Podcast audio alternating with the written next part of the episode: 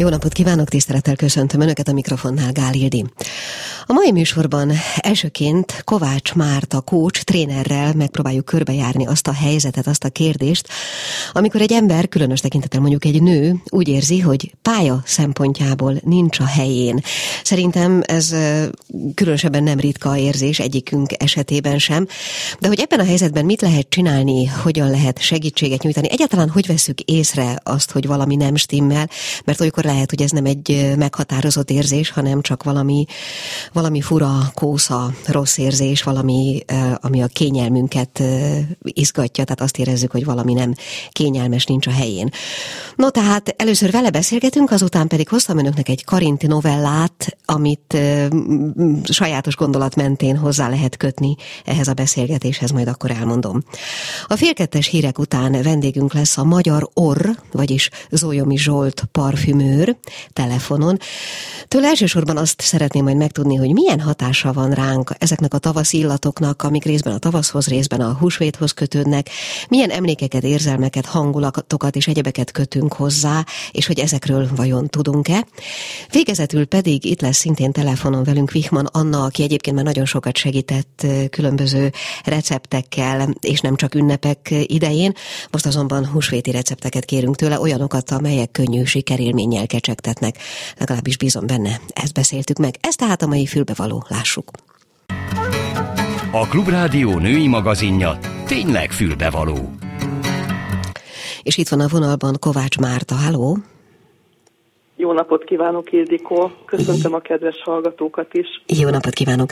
No, hát azt próbáltam én fölvázolni itt az elején, és lehet, hogy nem teljesen jól, hogy arról, hogy egyébként mi jó helyen vagyunk-e a pályánkon az életünk bizonyos pillanataiban, nem is biztos, hogy tudunk. Úgy értem, hogy, hogy nem biztos, hogy ez egy konkrét érzés, hogy nem vagyok a helyemen, hanem csak valami diszkomfort hangulat érzet. Igen, jól mondja Ildikó. Ez általában úgy kezdődik, hogy, hogy rosszul érezzük magunkat, reggel nincs kedvünk felkelni, esetleg már vasárnap rossz érzéssel gondolunk arra, hogy másnap dolgozni kell menni. Aztán persze vannak konkrét problémák is, amit aztán tudatosodik bennünk. Éppen mostanában volt egy workshopom, ahol a résztvevők egyöntetően arról panaszkodnak, hogy, hogy a szervezeti kultúrával van problémájuk, hogy nem hallgatják meg a véleményüket. Továbbá a második leggyakoribb ok arra, hogy hogy menni szeretnének, vagy, vagy mennének, az a főnökük. Igen, gondolom, igen, persze, csak azt gondolom, hogy azért ez nem olyan egyszerű, ugye? Tehát, hogyha az ember egy helyzetben rosszul érzi magát, és nincs konkrét út előtte, vagy konkrét cél, hanem csak a rossz érzet, az még nem feltétlenül sarkalja arra, hogy valóban lépjen is. Mennyi ideig lehet bírni azt a fajta feszültséget, amiről most beszélünk? Hát azt gondolom, hogy előbb-utóbb azért ennek tünetei lesznek, tehát ha valaki már azt tapasztalja, hogy, hogy testi tünetei is támadnak, akkor bizonyára Mint mondjuk a probléma. Igen, igen, igen. Tehát ilyen pszichoszomatikus panaszai, összeszorul a torka, fáj a gyomra, akkor ott már valószínűleg probléma van, hogyha ez a munkahelyén keletkezik. Úgyhogy, az úgy, egyébként belőhető... ez már mindenképpen jelez. Uh-huh azt akartam kérdezni, bocsánat, hogy az azért belőhető, hogy ez mondjuk a, az első munkahelyhez képest, tehát hány év után alakulhat ki, hogy ezt így meg is tudjuk, megismerjük, fogalmazni saját magunknak? Mikor jellemző egyfajta ilyen váltásra való képesség? Hát a nők azok, azok 40 feletti vagy 40 közeli életkorban érkeznek el ahhoz a korhoz, amikor visszanéznek az eddigi életükre, és elgondolkodnak azon, hogy valóban ezt akartam, amikor fiatal voltam, vagy fiatalabb voltam, mert azért egy 40 éves nő még nem idős, és a, akkor ö, gondolkodhatnak el, el arról, hogy ö, a munkahelyén vel van probléma, vagy, vagy probléma lehet. Aztán persze teljesen változó, mert hogyha valaki már eleve rossz pályát választ, mert nagyon sokszor előfordul, hogy a szülők azok, akik meghatározzák a pályaváltást, akkor ez előbb is elkövetkezhet, ez az enerválatlan állapot. Igen, ez Aztán nagyon... van, bocsánat, van Igen. még egy olyan is, amikor valaki már ö, olyan, olyannyira ö, kiégett, vagyis elfáradt a munkahelyén, ez bizonyos szakmákban ö, elég gyakori is tud lenni, hogy ilyenkor is meg szoktak keresni, hogy hogyan tovább. Uh-huh. Arra gondoltam, a múltkor volt egy másik műsorban egy beszélgetés az életközepi válság kapcsán, és gyakorlatilag ugyanezeket a tüneteket említette ott is a szakember, a kiégést, a fáradtságot, a fizikai tüneteket, azt az érzetet, hogy oké, okay, idáig elértem, de ez lenne minden, hogyan tovább. Ezek azért többé-kevésbé lefedik egymást, ugye, amiről most beszélünk? Azzal. Igen. Uh-huh. Igen. Jó, Igen. Mi, az, ami, mi az, ami ilyenkor tehető, azon kívül, hogy az ember vesz egy nagy levegőt és ránéz arra, ami eddig volt?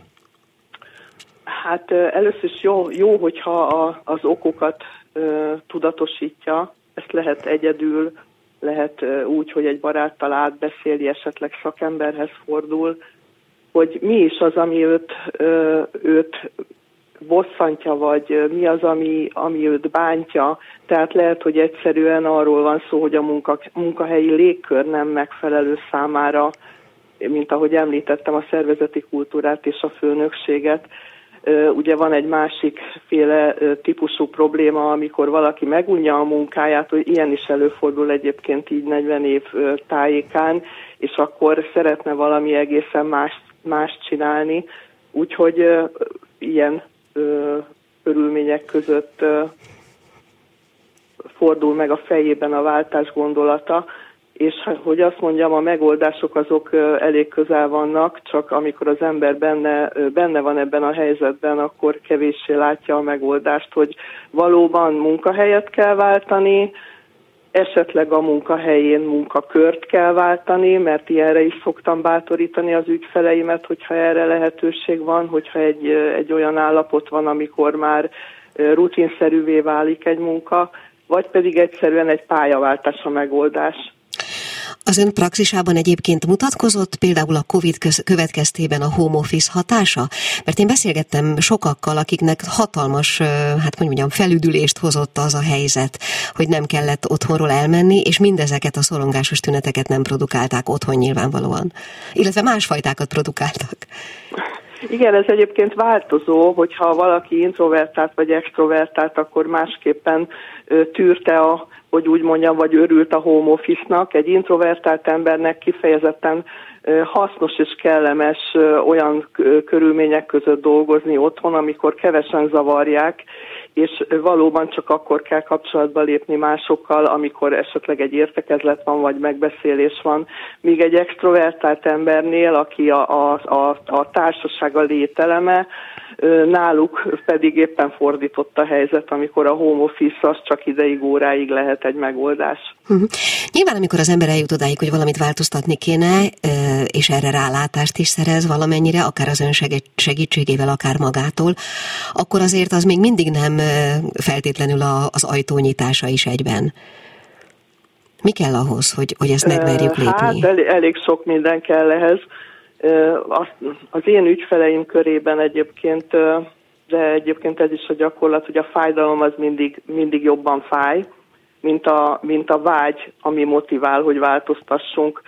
Tehát bele lehet kerülni egy úgynevezett ördögi körbe, amikor egyszer rosszabb egy kicsit, aztán megint javul a dolog, á, nem is olyan rossz, égül is jók a kollégák, a főnök ma szépen szólt hozzám, és aztán egyszer csak megint rosszabb lesz, és akkor ez így körbe-körbe mehet, hogyha itt így gyakorlatilag nem lép ki az illető ebből az ördögi körből.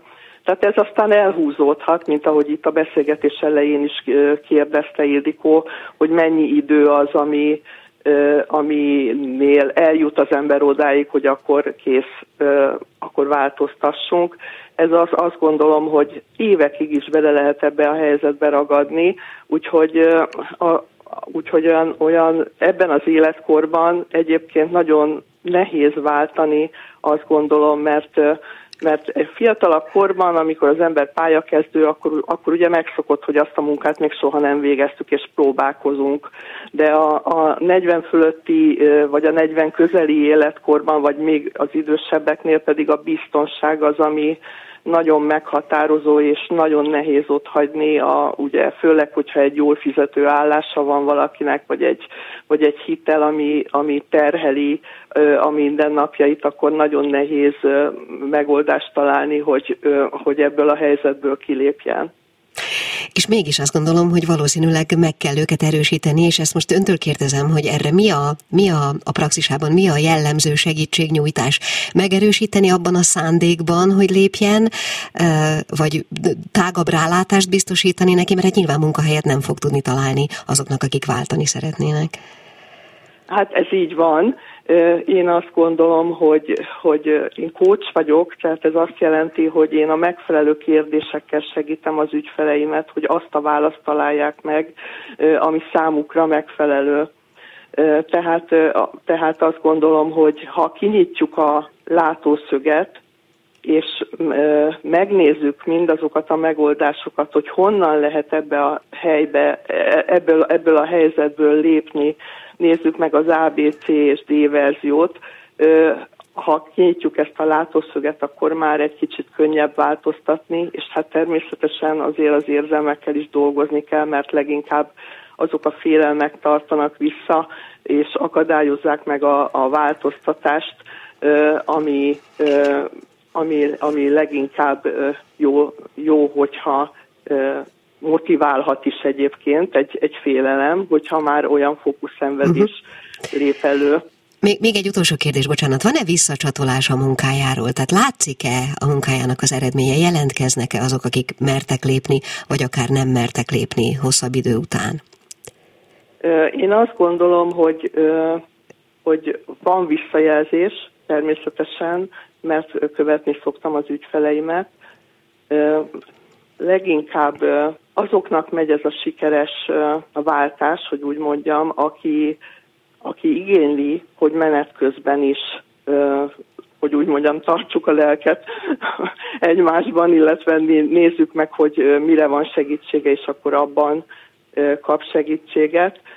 És hát természetesen olyan is van, aki meglépi és változtat. Volt például egy, egy alkalmazotti formában dolgozó ügyfelem évekkel ezelőtt, aki vállalkozó szeretett volna lenni.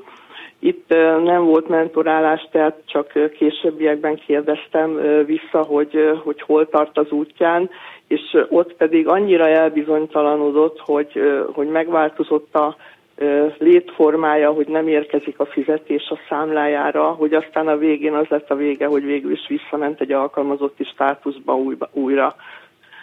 De hát végül is, amikor beszélgettünk, akkor az volt a konklúziója ennek a oda-visszalépésnek, hogy az sem volt azért hiába való, mert bizonyos dolgokat meg kell tapasztalni ahhoz, hogy tudjuk, hogy hol van a helyünk. Hát meg megállni és körülnézni, legalább ennyit és eldönteni, hogy merre van az előre.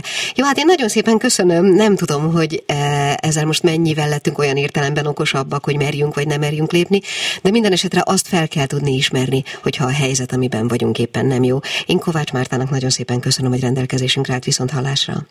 Köszönöm szépen, viszont hallásra. Mi kell a nőnek? Egy fülbevaló. Hoztam, most hoztam valami egészen mást, egy karinti novellát, régen hoztam már irodalmi idézetet, egy olyan karinti novellát, ami egy nőnek az életében egy óriási váltásról szól, annyira óriási váltásról, hogy ez a nő egyébként meghalt, és Karinti Frigyes, az, tehát Karinti Frigyes első feleségéről beszélek, Judit, Judik Eterről, akinek a halála után íródott ez a bizonyos novella, amit most meg szeretnék mutatni. Azért annyit erről a szerelemről, hogy ő ugye egy színésznő volt, akibe Karinti az első látásra beleszeretett, és még azt se riasztotta vissza egyébként, hogy ennek a színésznőnek akkoriban férje volt, sőt gyereke is lányszöktetés volt benne, verekedés, párbaj, nagyon bujkálás külföldön, és aztán azt hiszem egy fél év után, Németországban töltött fél év után naponta váltottak szerelmes leveleket, noha egyébként együtt éltek, tehát együtt töltötték mindennapjukat, Ezeket a szerelmes leveleket egyébként azóta is el lehet érni, később ki is adták. Szóval egy nagyon-nagyon szenvedélyes kapcsolat volt, aminek a vége az lett, hogy Karinti karjai között halt meg a felesége. Hát ebből az élményből fakadt az, amit most szeretnék önöknek megmutatni. Két hét múlva egy délután háromkor kelt fel megint, és elhatározta, hogy mégis kívánszorog. Ezek a napok különben így teltek, három óra felé felkelt, megebédelt a vendéglőben, sokat evett és nehéz ételeket. Aztán felment újra, és egy régi angol regényt fordított este nyolcig, amitől kábult és zavart lett. Aztán egy külvárosi kávéházba ment el, ahova az előtt sose szokott járni, és képes lapokat nézett, és zenét hallgatott, és megint sokat evett vacsorára. Hazament, lefeküdt, és könyveket rakott maga elé de a betűkből nem látott semmit. Elfújta a lámpát, és akkor halálos csönd következett a néma és fenyegető bútorok között. Amint hanyat feküdt, kinyújtott hideg lábain alul indult meg a remegés, lassan terjedt, oldalt fel a szívéig a nyakán keresztül, és végre a fogáig ért, s a csöndet a zúgó szoba odvában akkor halkan, egyenletesen törte föl a vacogás, és figyelte, hogyan verődnek össze a fogak mindig hangosabban és ütemesebben és a vacogás közben mindig ugyanabban a mozdulatban látta a feleségét. Amint este a hídnál, még hirtelen, keményen és elszántan nyújtja a kezét, és vonagló szája kérlelhetetlen dacban és gyűlöletben egyszerre elfehérül. Tovább már ne kísérjen, villamosra fogok ülni. És mindig ugyanaz az elviselhetetlen és gyötrelmes érzés jelentkezik együtt ezzel a képpel, hogy milyen rettenetesen sajnálta akkor, hogy a felesége hirtelen és keményen elment, nem szólhatott még néhány szót legalább meleg, áradó szavakat, hogy hiszen nem kell gyűlölködve és ellenségesen elvál, elválni, hiszen nem akar tőle semmit, és neki akar adni mindent, hogy bebizonyítsa, nem kell őt gyűlölnie és milyen rettenetesen sajnálta, hogy nem sírhatott, vagy nem csokolhatta meg a kezét egy udvarias és gúnyos mozdulattal, vagy ilyesmi. Vagy kérdezhetett volna valamit, vagy megüthette volna. De ő bénultan és szótlanul elhagyta menni, és még állt egy darabig, utána nézett, nem hívta vissza. Mostanában úgy érezte, hogy azok a szavak akkor a torkának adtak, és azóta folytogatják. A vacogás is ebből a hidegből áradt, mely elfolytotta testét és remegtette. Dühösen, makacsul kergette a képet. Nem kell, nem kell, nem kell, mondogatta gépiesen. Később, mikor elkábult, egy telefonkagylót hallott folyamatosan, ami a füléhez volt illesztve, és a telefonkagylóba valaki folyton beszélt. Mi az, mi az, mi az? De hát mi az, mi az? Folyton ezt mondta valaki a telefonkagylóba, sürgetőn és türelmetlenül. De ő nem tudott felelni, pedig szerette volna megmondani, hogy mi az, ami a tüdejében szorong. Aztán hosszú szobák következtek színültig dohos sötétséggel. Ezekben a szobákban órákig járkált, mindig jobban félt, és a sötétség mindig elviselhetetlenebb volt. Tapogatva találta meg az ajtókat, néha egy nyírkos ablakot ért az ujja, de az is vak és sötét mellékudvarra nyílt. Már talán századszor nyitotta ki halkan a suhogó ajtókat, majd meg folyosókba ütődött, és ezek is hidegek voltak. Végre nagyon messziről zavaros beszélgetést hallott, és ő borzongó felszabadulás érzésével töltötte meg a hangirányában a, a lépteit. Most már annyira írtózott a sötétségtől, hogy a szíve hangosan és rémülten kalapált. Aztán zongora szót hallott, és megnyugodott egy kicsit. Egy hosszú lépcsőn ment föl, ahol már régen elfújták a lámpákat, végre megtalálta azt az ajtót. Fény tört keresztül a kulcsjukon, és oldalt az eresztékek közt, és hangos kiabálás nevetés poharakkal kocintottak, és valaki hangosan és szilajú zongorázott odabent. Mire odaért, a ruhája a testéhez tapadt már, és reszketett. Úgy fogta meg a kilincset, mint aki egy ágat kap el a szakadék fölött, mert mögötte vihogott már a folyosó sötétsége, és belé akart harapni. Itt vagyok, nyitotta már ki a száját, amint belökte az ajtót. Nagyot bukott előre, és hideg szél csapott az arcába. Koromsötét és jéghideg halálos csönd folytogatta körös körül. Aztán forogva süllyedt lefelé a sűrű és hideg vízben, megállt, kezdett emelkedni, mint gyerekkorában, mikor magas trambolinról ugrott.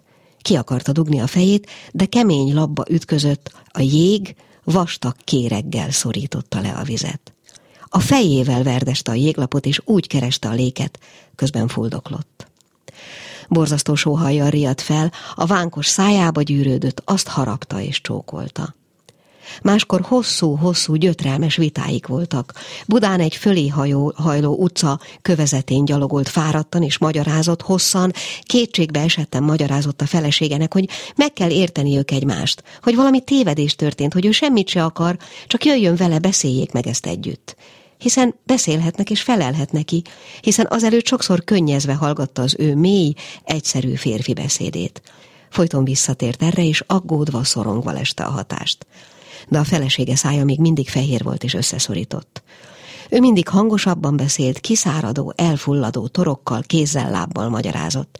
Nem értette, nem értette, nem értette, hogy miért nem felel.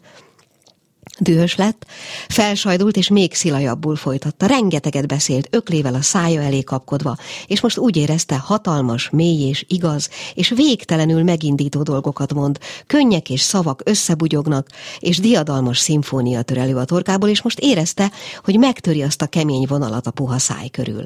Egyszerre horkantva fölébredt a sós lére, amelyek a szájába folytak, és még hallgatta, mint bénult szája, artikulátlanul nyöszörög. Tatu, tabatu, te, te, te. Ez volt a hatalmas szónoklat. Az asszony helye üresen hideg lett mellette az ágyban, csak sajátságos illatát érezte még egy darabig, ami az álomból visszamaradt. Elhallgatott és feküdt, s a sötétségből, az ágy kemény deszkáiból akkor először fújt elhagyott, özvegy tagjai közé, az otromba és éles halálfélelem. Folytatódik a Klubrádió ékszere, a fülbevaló és köszöntöm a telefonvonal túlsó végén a magyar Mr. Ort, vagyis Zolyomi Zsolt parfümőrt. Háló, halló! Háló, jó napot! Jó napot kívánok! Na hát azért hívtuk föl telefonon egyrészt, mert tavasz van, másrészt, mert közeledik a húsvét, és hát körülöttünk illatorgia. Ilyenkor hogy érzi magát? Jól, jobban érzi magát, mint mondjuk télen egy parfümökkel, illatokkal foglalkozó szakember? Nem, nem érzi jobban, hanem ugyanolyan jól érzi magát, mert minden évszaknak van szépsége. Uh, ugye, hát én, én mostanában elég sokat télek Somogyba, a Balatonparton, és uh, a, a téli Balaton környéki illatok is nagyon izgalmasak, akár befagyató, akár nem. Úgyhogy természetesen most egy évszakváltás van, az mindig abban a szempontból izgalmas, hogy új élmények jönnek az ornak, és egyébként, by the way, én nagyon szeretem a tavaszt. Ezzel szerintem sokan vagyunk így. A, ugye ezekhez az illatokhoz, illetve tulajdonképpen minden illathoz van ezernyi kötődésünk, érzelmi, emlékbeli, nem tudom, az édesanyánk sütötte, mm, sütemény illata, és így tovább. Foglalkozik-e az ön szakmája azzal, hogy ezekre az érzelmi kötődésekre is épít valahogy? Mm, azt hiszem, hogy nagyon nagy mennyiség, vagy mennyiségben, nem, talán nem szép magyar kifejezés, tehát nagyon nagy mértékben. Mi, a mi szakmánk az úgy fogalmaznék, hogy érzelmekkel, meg emlékekkel dolgozik, úgyhogy teljesen természetesen, hogy ilyenkor nagyon sok mindenkinek eszébe jutnak azok a történetek, amiket átélt um, gyerekkorában, gyákoi locsolkodások, hogy kell élni, ilyen vicces élethelyzetek. Azt honnan lehet? Én például Én... konkrétan nagyon uh, ilyen víz, igazi, klasszikus szódás szifonos lagos megoldásokkal szargattuk a lányokat. Uh-huh.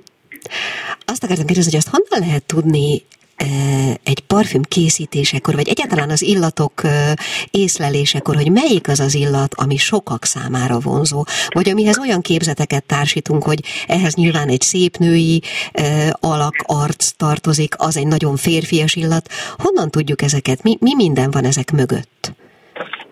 Igazándiból mi parfümőrök kb. 6000 alapanyaggal dolgozunk, és vannak alapanyagok, amik eleve femininek vagy maszkulinok, vagy legalábbis a hangulatot keltenek, amit a rendezvúzás kapcsán jól lehet használni, de az is igaz, hogy valójában ezeknek az alapanyagoknak a bizonyos arányai adnak ki olyan hangulatokat, hogy egyszer inkább ez, egyszer inkább az a logika, és természetesen vannak olyanok, amiknél nem döntjük el előre a nemet, tehát hogy például egy szép kirándulás emlékét akarom megidézni a kóddazűről, akkor annak nem hiszem, hogy van feltétlen nemisége, uh-huh. így mondanám. De a kérdésére válaszolva van például egy olyan parfüm nálunk, aminek funny neve van, mert az a neve, hogy not a parfüm, vagy nem parfüm, és ez egyetlen egy alapanyagot tartalmaz, ami kifejezetten egy ilyen úgynevezett animális erotizáló illat. Hm. Na ezt, ha felteszi egy hölgy a bőrére, akkor először egy kicsit becsapós módon csak ilyen enyhe kis tisztaság, púderillatot fognak érezni körülötte az emberek, de aztán valahogy azt érzi, hogy a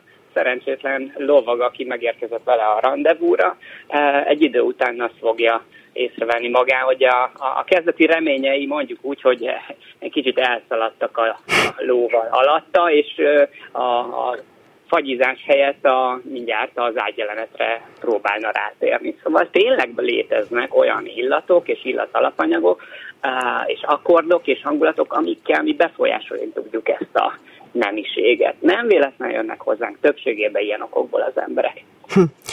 A, azt mindig is meg akartam kérdezni, és ha megengedik, akkor most föl is teszem ezt a kérdést, hogy hogy változik, mi annak az oka, hogy a bőrünkre fújt parfüm egyszer csak elkezd változni? Ez pusztán kémia, kémiai hatás, vagy valami más is van benne? Uh, pusztán kémia, de a kémia mögött olyan sok minden van, úgy szoktam fogalmazni azt, hogy van ez a egyébként bűbájos mondás, hogy nem volt meg köztünk a kémia, vagy meg volt Igen. köztünk a kémia. Ugye? Ez azért érdekes, mert hogyha fogunk egy ember, akinek konkrét saját bőrillata van, az nincs még egy olyan ember a Földön. Tehát a mi testillatunk az biometrikus azonosítónk is egyben, tehát ugyanúgy beazonosít minket az a körülöttünk, minket körülvevő aromavilág, mint az új lenyomatunk, vagy a hogy mondják ezt, a, az íriszünk mhm, mintázata, uh-huh, ami meg kriminalisztikai szinten beazonosító jegyünk. Uh-huh. Na, ha ez, ha ez azt el tudjuk képzelni, hogy az illatunk is ugyanerre képes, már pedig képes, mert bármilyen nyomozókutya beazonosít minket, hogy ott hagyott kezd alapján, akkor azt el lehet képzelni, hogy mennyire egyedi az a mondjuk, hogy illatmolekula pattern, ami mi körülvesz, és az, az nem csak abból ered, hogy mit tettünk tegnap este, mert mit ittünk, ittunk, és mennyit bulisztunk, vagy kipihentek vagyunk, hogy, hanem hogy érzelmi dolgok vagyunk-e, életünk melyik fázisában tartunk. Tehát mindaz, amit az elmúlt hónapokban, években csináltunk, azt kulminál egy olyan illat elegyé, ami teljes mértékben egyedi, és logikusan, ha fogunk egy standard másik illatelegyet, ami mondjuk egy parfüm, ami sok száz vagy sok ezer illatmolekulából áll, akkor nagyon nem mindegy, hogy kinek a bőrét tesszük rá, és ezért van az, hogy hiába tetszik nekünk egy híres parfüm márkája, vagy a csomagolása, vagy a híres sztár, aki mögötte van. Igazándiból én például, ha személyes parfümtanácsolást tartok, mindig a konkrét illetőnek az egyéni bőrét is megszagolom, és arra dolgozok, arra kezdek el fantázni, hogy mi való rá, mert ő rá más lesz való, mint a saját testvérére, vagy uh-huh. édesanyjára, vagy jó barátnőjére. Uh-huh. Ezt is régóta meg akartam kérdezni, és most pont arra kanyarodott, úgyhogy megteszem, hogy minden parfüm és minden nélkül ugye azt mondta, hogy megszagolja az illető bőrét. Egy ilyen információ önnek többet mond, mint mondjuk nekem? Gyanítom, igen. Uh, igen, de szerencsére nem vagyok uh, gyakorló pszichológus, uh, aki ebből mély, mély lélektani elemzéseket von le. Én, én csak pusztán esztétikai szemmel uh, szemlélném, ha a szememmel ezt csinálnám, de mondom, szaglálom ezt a szaglátom ezt az információt. Tény és való, hogy érzelmek konkrét érzelmeket is ki lehet érezni egy emberből. Tehát, hogyha önt megijesztem hirtelen, akkor meg fog változni a bőre illat egy tized másodperc alatt. Ha szerelmes és találkozik a kedvesével, akkor más a bőrének az illata, mint amikor nincsenek együtt. És ezek, ezek az érzelmek, ezek konkrétan kiérezhetők, amit nem biztos, hogy minden ember ennyire direkten érez, de például egy családon belül a, a mama általában a gyermekére, a párjára, mindenki azért érzékenyebb. Én valószínűleg most ez ilyen, ilyen álszerényen mondtam, mert természetesen nyilvánvalóan sokkal-sokkal több finom információt tudok érezni egy ember bőréről, és uh, hát valójában nem sok titka van előttem az embereknek. Ez igaz, tény és való, hogy jó varázsló vagyok, nem használom másra, mint hogy a legjobb parfümöt megkapja tőlem. Befejezésül még annyit, hogy ugye itt a húsvét közelettével ki mástól kérdezhetnék, vagy kérhetnék igazán jó tanácsot a, a húsvéti illatvarázslásra, és most elsősorban a locsolkodásra, vagy a locsolkodók várására gondolok. Milyen jó tanácsot adna parfüm használatügyben hölgyeknek, uraknak?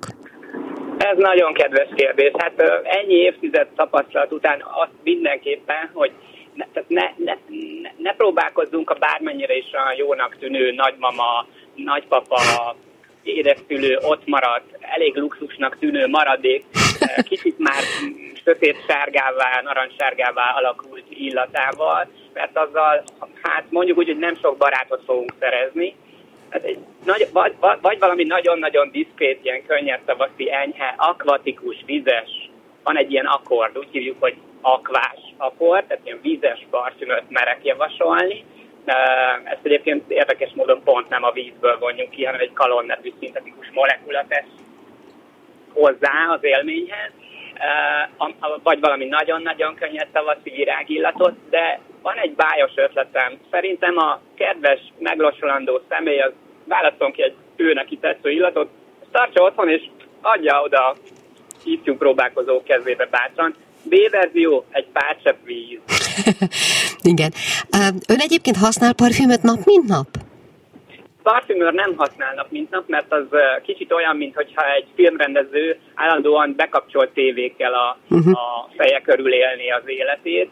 Úgyhogy én ritkábban használok parfümöt, mint amennyire a, az egyébként nem ezzel foglalkozó emberek, de olyankor viszont nagyon intenzíven és mindig más, mert nagyon kíváncsi vagyok. Rengeteg illatot próbálok ki, olyanokat is kapok, amik még nincsenek a piacon, tesztelésre, kipróbálásra, női illatot is feltettek, mert egyszerűen nincs időm. Egyszerűen annyira érdekel, hogy milyen, hogy nem várom meg, míg egy hölgy a, a közelembe kerül esetleg, szóval rajtam néha furcsa dolgokat lehet szagolni. És, és egyébként hogy pihenteti az orrát, és ez most már tényleg a beszélgetés vége, bocsánat? Ja, egész nyugodtan. Most jöttem Dubajból, mert én csináltam a magyar pavilon illatait. Ugye a, a, a, az Expo-n, a világkiállításon 192 ország közül a másodikak lettünk a tematika bemutatásával kapcsolatosan, és ez egy tipikus olyan feladat volt, amikor a magyar vízek illatait, tehát teszem azt egy gyógyfürdőnek, meg a hévízítónak, meg a, a, a Balatonnak, különböző vízillatokat, és érdekes módon engem pont ez, ilyen víz közeli élmények, tehát a tengerparton levés, a Balatonon levés, ezek a nagy nagy egybefüggő víz tömegnek az illata, az kiváló pihentető. Engem legalábbis kisimít orban. Nyilván akkor nem véletlenül tartózkodik sokat Somogyban, ahogy kezdtük Ez a beszélgetést. Nagyon szépen köszönöm, Zolyomi Zsoltot hallották a magyar Mr. Ort. Köszönöm szépen, hogy rendelkezésünkre állt viszont hallásra. Én köszönöm, viszontlátásra. Mi kell a nőnek? Egy fülbevaló. És az ízek, vagy az illatok után most következzenek ízek, és már rögtön le is lőttem, hogy ki van a vonalban, mert Vihman Annát köszöntöm a telefonvonal túlsó végén. Hello! Hello, szia, itt vagyok. Szia! No, hát te már nagyon sokat segítettél nekünk különböző helyzetekben nagyon finom alkalomhoz illő, vagy könnyű sikerélményhez juttató receptekkel, és ma is valami hasonlót remélek tőled, de most a húsvét tárgykörében. Ó, igen hogy mit tudunk gyorsan főzni hát mit tudunk, Igen, mit tudunk valami olyasmit csinálni, amit nem lehet elrontani, vagy akár olyat, amihez nagyon nagy szakértelem kell, akár mindkettő. Minden esetre juttassuk valahogy sikerélményhez a hölgyeket. Én mondjuk a húsvétot mindig úgy szoktam megközelíteni, hogy nagyon sok hidegfogást készítek, amit előre el tudok készíteni, tehát akár már szerdán, csütörtökön is két-három krémet elkészítek, vagy hideg salátát, és azok pont jól összeérnek húsvétra, úgyhogy én inkább arra szoktam törekedni, hogy előre készítsek dolgokat, és akkor egy nagyon szép színes húsvéti tálat tudok csinálni, úgy kevés munkával, hogy aznap már nincsen sok dolgom vele, aznap már csak a kalácsot szoktam megsütni. Uh-huh. Na, hát akkor mondjunk erre példákat, meg azért még a sonkával kapcsolatos trükkök is érdekelnek, ha van ilyen. De most először kezdjük a... Kapcsolat... Ja, jó, oké. Okay. A sonkával kapcsolatban szerintem az a legfontosabb, hogy hagyományos eljárással készülő sonkát vegyünk, és annak pedig csak az a trükkje, hogy be kell áztatni főzés előtt, mert ugye hagyományosan sóval tartósítják, és ezek mindig nagyon sósak. És nagyon gyakran találkozom azzal, hogy azért nem veszik meg ezt az emberek, mert hogy túl sós. Hát persze, hogyha nem áztatjuk be főzés előtt, akkor biztos, hogy túl sós marad. Úgyhogy érdemes, hogyha vasárnap akarunk sonkát reggelizni, már szombat reggel beáztatni a sonkát, megőzni este, hagyni kihűlni a főzőlében, és akkor vasárnap reggel egy nagyon-nagyon finom ízletes sonkát tudunk az asztalra adni. Mennyi ideig kell főzni? A kilónként egy óra a forrástól számítva, és pont úgy kell főzni, mint egy jó húsleves, tehát a, alig gyöngyözzön, alig mocorogjon a víz. Tehát nem szabad, hogy nagyon-nagyon ö, forjon. És nem kell beletenni semmit? Úgy értem, hogy bármi fűszert vagy ilyesmit a főzővízbe? Ez csak ízlés kérdése. Ismerek olyanokat, akik a félfűszeres szekrényt beleborítják, és csak úgy szeretik, hogyha van benne babérlevél, bogyó, ors, mindenféle. Ennek ut- utána nyilván sokkal értékesebb lesz a, a leve is, amit fel tudunk utána használni, Na, mondjuk egy bableveshez, vagy ilyesmihez. Igen. Én megmondom őszintén, sváblány vagyok. Én úgy szoktam meg, hogy csak simán, simán vízben főzöm a sonkát. De ezzel együtt csinálsz valamit a sonka főzőlevével? A sonka főzőlevét így is leszoktam fagyasztani, egy decis adagokba, mert annyira koncentrált füstös íze van, hogy ez az egy deci, ez tökéletesen elég, hogyha később egy bableveshez használom mondjuk, vagy más olyan ételhez, amihez ez a füstös íz jól jön. Uh-huh. Na jó, akkor beszéljünk egy kicsit azokról, amiket elő lehet készíteni több nappal korábban. Például ilyen a kaszinótojás, vagy a francia saláta, nagyon sok olyan hideg saláta van, aminek az alapját ugye meg lehet párolni, vagy főzni, és bekeverni egy majonézes tejfölös öntettel, és ezek 5-6 napig bőven fogyaszthatóak, de mindegyiknek nagyon jót tesz, hogyha legalább két napot áll, és hagyjuk összeérni az ízeket. Hát feltéve, hogy nem jár rá a család, ugye? De hát igen, nyilván, igen. nyilván annyit kell belőle készíteni, hogy még maradjon belőle valami húsvétra is. Igen. Aztán mi van még, ami, ami esetleg friss zöldségekkel, vagy piacon beszerezhető zöldségekkel készül? Hát most idén, ami nagyon nagy trend, tavaly indult, hogy céklával színezünk dolgokat, tehát a, a friss baby cékla már megjelent a piacokon, nem csak ez a őszről megmaradt nagyobb földesebb van, és ezt a friss bébi céklával tudunk pácolni mondjuk főtt tojást. Tehát megfőzzük a tojást, megpucoljuk, felöntjük vízzel egy befőttes üvegbe, szeletelünk bele ebből a friss bébi céklából, és másnapra nagyon szép pinkre festi a tojást kívülről. Uh-huh. Ha már itt tartunk egyébként, majd még a legvégén kérlek a tojásfestési szokásaidról is mondjál néhány dolgot, de uh-huh. beszéljünk egy kicsit a süteményekről. Ugye voltak a saláták, beszéltünk a sonkáról. Milyen süti készül, készüljön húsvétre? Hát nálunk a mézes krémes az egy nagyon nagy slágere a húsvétnak, tehát amennyire a karácsonynak a beigli, a húsvétnak ugyanúgy a mézes krémes a, a, az ikonikus desszertje. Mellette a répatorta természetesen nem maradhat el, tehát az már szinte elmaradhatatlan az asztalról. Ezt lehet készíteni csak úgy simán, mint ahogy a germán kultúrában van töltelék nélkül, de én úgy veszem észre, hogy hazánkban jobban szeretik az emberek, hogyha egy könnyű mascarpone krémmel megtöltjük, amit nagyon-nagyon egyszerűen el lehet készíteni. A mascarponét egy kis tejszínnel fellazítjuk, egy kevés citromhéj vagy narancshéj és méz, és tökéletes lesz kikeverve. És a répatorta az hogy készül, ha már a krémet elmondtok? A répa tortáról én megosztottam korábban egy receptet, amihez robotgép sem kell. Egy nagyon-nagyon dús recept, amiben a, a leveszelt répa súlya a legtöbb, tehát ez tényleg egy nagyon-nagyon zamatos répatorta lesz. Tojás van benne, rétesliszt, mert ugye ez egy kevert tészta, és a rétes lisztek sokszor gondba vannak a házi asszonyok, hogy az mégis mire jó. Hát a kevert tésztákhoz a rétes liszt a legjobb, attól nagyon-nagyon jól az a szerkezete lesz. Uh-huh. Tehát akkor ezt, és ezt összekeverem, megsütöm lapokban, vagy hogy, hogy lesz belőle répatorta? Én kerek torta formába uh-huh. szeretem sütni, és amikor teljesen kihűlt, utána ö, vágom el három szintre, és töltöm be ezzel a mascarpone krémmel. Uh-huh. A répatorták tetején, amennyire nekem erről emlékem van, szoktak megjelenni ilyen kis marcipán répák, azt alkalmazod? Nem, én nem szeretem azzal díszíteni, de megértem azokat, akik igen. Amíg kisebb volt a, a saját kisfiam, addig én is igyekeztem ilyen vidámát tenni a tortát. Most, most már inkább annak a híve vagyok, hogy, hogy a saját alkotó elemeivel díszítem, de ez a durvára vágott dió és a narancs. Uh-huh, uh-huh. Uh, sorsütemény?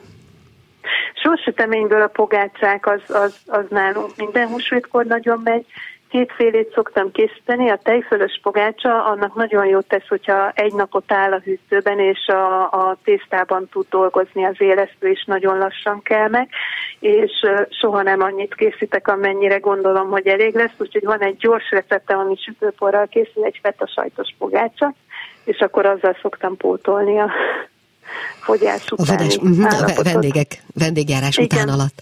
Uh-huh. Az még fontos lehet egyébként a húsvéti receptekkel kapcsolatban, hogy ugye amikor véget ér az ünnep, egy csomó minden marad vagy maradhat. Van arra valami hasznos tanácsot, hogy a maradékkal Igen. mit kezdjünk? Na? Igen, én torti alapokat szoktam sütni, és nálunk két csoportra osztható a maradék, az egyik a, a húsfélék, a másik a, a zöldségfélék, amik között van főtt is, megsült is. Mind a kettő tökéletes, így burító tölteléknek, ezeket ilyen falatnyi darabokra szoktam vágni, betöltöm a tortillába úgy, hogy rakok bele egy kevés sajtot is, nem reszelve, csak hasábokra vágva, feltekerem a tortillát, mint egy burítót, és így alufóliába csomagolva betárazom a mély hűtőbe, mert megmondom őszintén, húsvét után el vagyunk telve ezekkel az ízekkel, hiába alakítom át egy kicsit messze, mert senki nem kívánja, de egy-két-három hét múlva, amikor már távol vagyunk a húsvéttől, akkor mindenki nagyon örül neki, hogyha ezeket az alufóliába csomagolt burítókat kiveszem a fagyasztóból, így ahogy van be lehet rakni a sütőbe, 200 fokos sütőbe így fagyottan betesszük 20-25 perc alatt, tökéletesen uh, kiolvad, átsül, folyósá válik benne a sajt, és uh, félbevágom is lehet enni. Hmm, ez nagyon jól hangzik. De még talán annyit ezzel kapcsolatban, és azt szerintem sokan nem tudják, hogy hogy készül maga a tészta, mármint úgy értem a, hogy a tortilla. A tortilla tészta. tészta. Ez, ennek is megosztottam a receptjét, egy, egy nagyon jót találtam Dél-Amerikába, amihez nem kell az ottani helyi kukoricaliszt, mert azt ugyan már meg lehet vásárolni itt Magyarországon, de, de nagyon borsos ára van. Az a titka a búzalisztből készült tortillának, hogy meleg vizet kell hozzáadni a liszthez, és az olyan kémiai folyamatokat indít be, amitől a tésztánk utána ö, levegősebb, foszlósabb lesz. Tehát nem kell hozzá se sütőpor, se élesztő, semmilyen ö, szer, ami felfújna, csak az kell, hogy a sima lisztet meleg vízzel dolgozzuk, gyúrjuk össze, és utána nyújtás után azonnal lehet sütni egy serpenyőben. És semmi más nincs benne? Gondolom só valamennyi még, olaj nincs só, benne? igen, de só van benne, én vajat használok hozzá, de olajat is lehetne, és uh-huh. ennyi. Ennyi. Na jó, akkor zárásul még kérlek szépen a tojásfestésről egy kicsit. Én megmondom őszintén, hogy csalni szoktam. Nagyon örülök, hogy ilyenkor már lehet venni fehér héjú tojást is, a, a boltok polcain kifejezetten az a célral, hogy hímes tojást készítsünk. Én félctollal szeretem díszíteni. Én nem, nem, nem szoktam festeni, én nagyon élvezem azt a részét, amikor leülök, nyugodtan, szól egy jó kis zene a rádióban, és fésztollal szépen kimintázom a tojásokat. Uh-huh. A, arra gondoltam, meg voltam róla győződve, hogy te hagymahéjjel fested a tojásokat valamiért, ezt, ezt sejtettem. Olyan nem fordul elő? Lánykoromban rengeteget festettem hagymahéjjal tojásokat, szerintem két életre való tojást megfestettem, úgyhogy... Azóta váltottál a tematikát, meg technikát is. Igen. Uh-huh. Jó, hát nagyon szépen köszönöm, szerintem most rengeteg hasznos tanácsot kaptunk, majd egyszer egy következő ünnep alkalmával még lehet, hogy zaklatunk egy kicsit, jó, ha nem zavar nagyon. Nagyon örülök neki, köszönöm. Köszönöm szépen, Vihman Annát hallották, tehát szia! Hello! A Klubrádió női magazinja tényleg fülbevaló.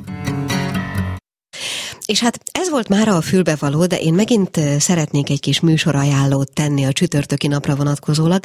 Először hadd mondjam el, hogy ma itt volt Kovács Márta, coach, tréner, akivel arról beszélgettünk, hogy mi van akkor, amikor az ember mondjuk a 40-es évei elején, közepén fölismeri, hogy nem feltétlenül van, főleg munka szempontjából jó helyen, ilyenkor merre érdemes elindulni, honnan érdemes ránézni arra a helyzetre. Aztán hoztam önöknek egy Karinti novellát, amely Karinti Frigyes első feleségén feleségének halála alkalmából, illetve az után íródott. Itt volt velünk a magyar Mr. Orr, Zójomi Zsolt parfümőr, és végezetül Vihman Anna osztott meg néhány húsvéti receptet, okosságot, jó tanácsot. És ha megengedik, akkor én most előlegezni szeretném még a csütörtöki zsebenciklopédia adását, amikor szintén a húsvét hangulatában, a húsvét körül forogva egy kicsit, a titok lesz a hívószavunk. Ennek kapcsán pedig vendégeink lesznek először is El Murányi László újságíró, aki több könyvet is írt már olyan titok körüli témákról, amelyekhez meg kellett nyitni azoknak az embereknek a lelkét, akikkel beszélgetett. Magyarul ő arról fogom faggatni, hogy hogy jut el más emberek titkaihoz. Aztán itt lesz Formanek Csaba, író, rendező, színházi ember, akit pedig a ki nem mondott titkok kapcsán szeretnék faggatni majd elsősorban a színházban történő titkokról, amelyek nem biztos, hogy szavakban lepleződnek aztán le. És végezetül itt lesz Kun Ágnes Anna, aki amellett, hogy operaénekesnő, ő református lelkészként is működik, és őt elsősorban az Istennel kapcsolatos titkokról, illetve mások titkainak megőrzéséről fogom faggatni. Ő egyébként telefonon lesz velünk. Ez tehát a csütörtöki zsebenciklopédia műsora, amelyben a hívó szó a titok. Mára pedig én köszönöm szépen a figyelmüket, ez volt a mai fülbevaló Gálildit hallották a viszonthallásra.